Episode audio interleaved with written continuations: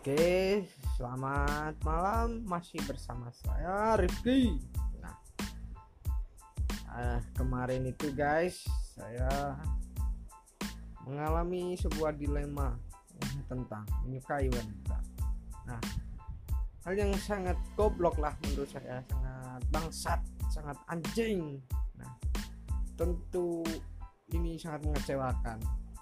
Kita itu kenalnya tidak sengaja awalnya nah berhubung saya ngopi sama teman saya dan dia ada di situ. Nah saya awalnya mencari tahu platform Instagramnya apa oh tak cari bla bla bla bla. Nah ketemu platformnya terus aku add sih.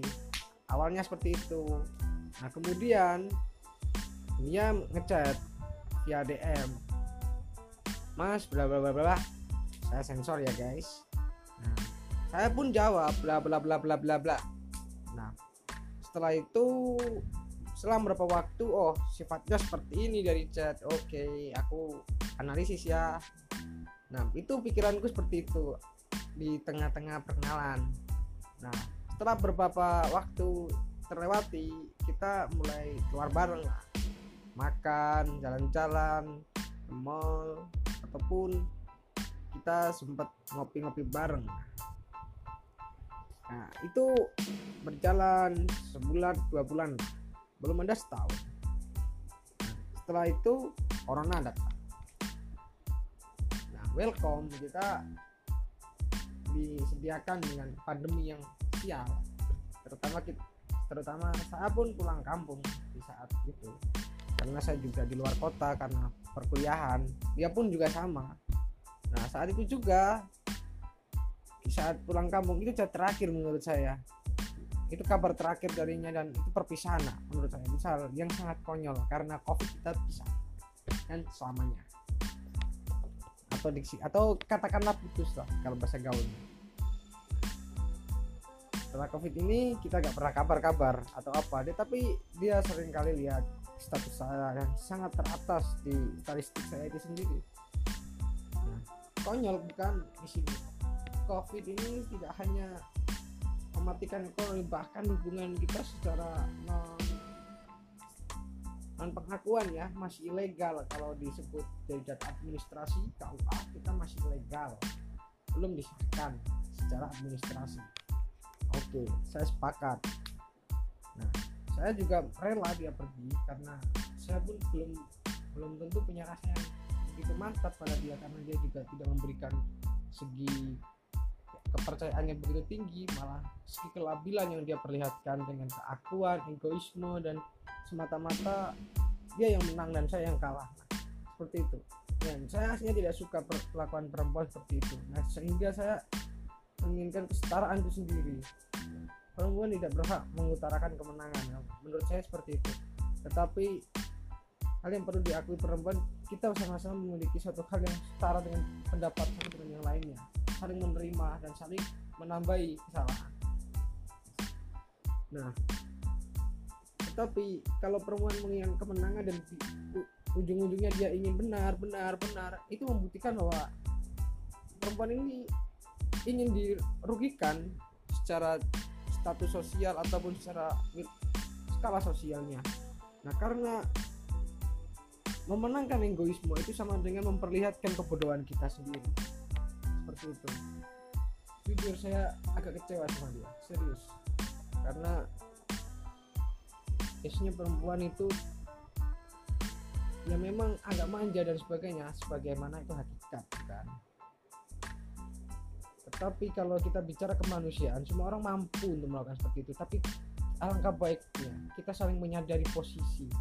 Kita itu siapa sih ya saya itu siapa? Kamu itu siapa sih kalau saya susah ya bantu kamu susah tak bantu di situ. Kita saling mengerti di antara lain untuk mewujudkan pemikiran yang sangat kemanusiaan humanis. Nah bicara tentang perempuan juga tidak jauh dari patriarkis seksi cantik atau jelek bodo amat kalau menurut gua. Nah.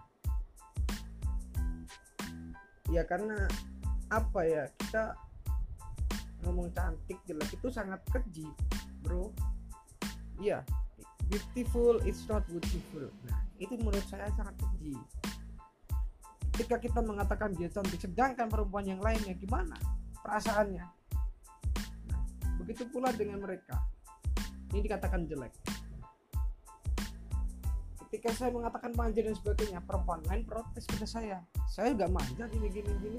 Tetapi saya saya bicarakan ini secara umum secara general ini pengamatan situasi yang saya dapat nah mungkin dari satu atau dua lainnya menggugat saya terkait dengan pernyataan saya ya saya sendiri oh, mohon maaf saya juga mengamati dengan apa yang saya rasakan seperti ini nah, yang terutama ada kebudayaan yang mempengaruhi siklus tindakan manusia itu sendiri Nah, mungkin di kota besar perempuan lebih toleran, lebih paham terkait kemanusiaan itu gimana. Dan tapi berbeda di kota kecil yang rata-rata perempuan masih menginginkan dia itu seperti raja. Laki-laki penjilati perempuan. Bahasa politiknya kan seperti itu. Dia merunduk runduk meminta-minta gini gini gini sujud-sujud. Nah, seakan-akan ini adalah budaya patriarkis. Jangan mengistimewakan perempuan menurut saya tapi kita menghargai satu sama lain dan ada posisi tertinggi terendah ini sama dengan kita saling saling mengamini antara feudalisme itu sendiri dan ak akhirnya akan menjadikan pencitraan atas pemikiran kita yang salah kaprah yang akan menjadikan seksim itu sendiri. Karena kita mengamini perempuan sebagai tertinggi kita mensujuti karena dia cantik karena apa dan sebagaimana bla bla bla bla. Saya pun demikian. Tak menginginkan hal itu terjadi. Tapi pacar saya seperti itu dan saya ah kacau ini orang saya di kalangan orang-orang tidak ingin adanya hierarki seperti itu. Menurut saya itu hal yang paling bodoh paling tolol.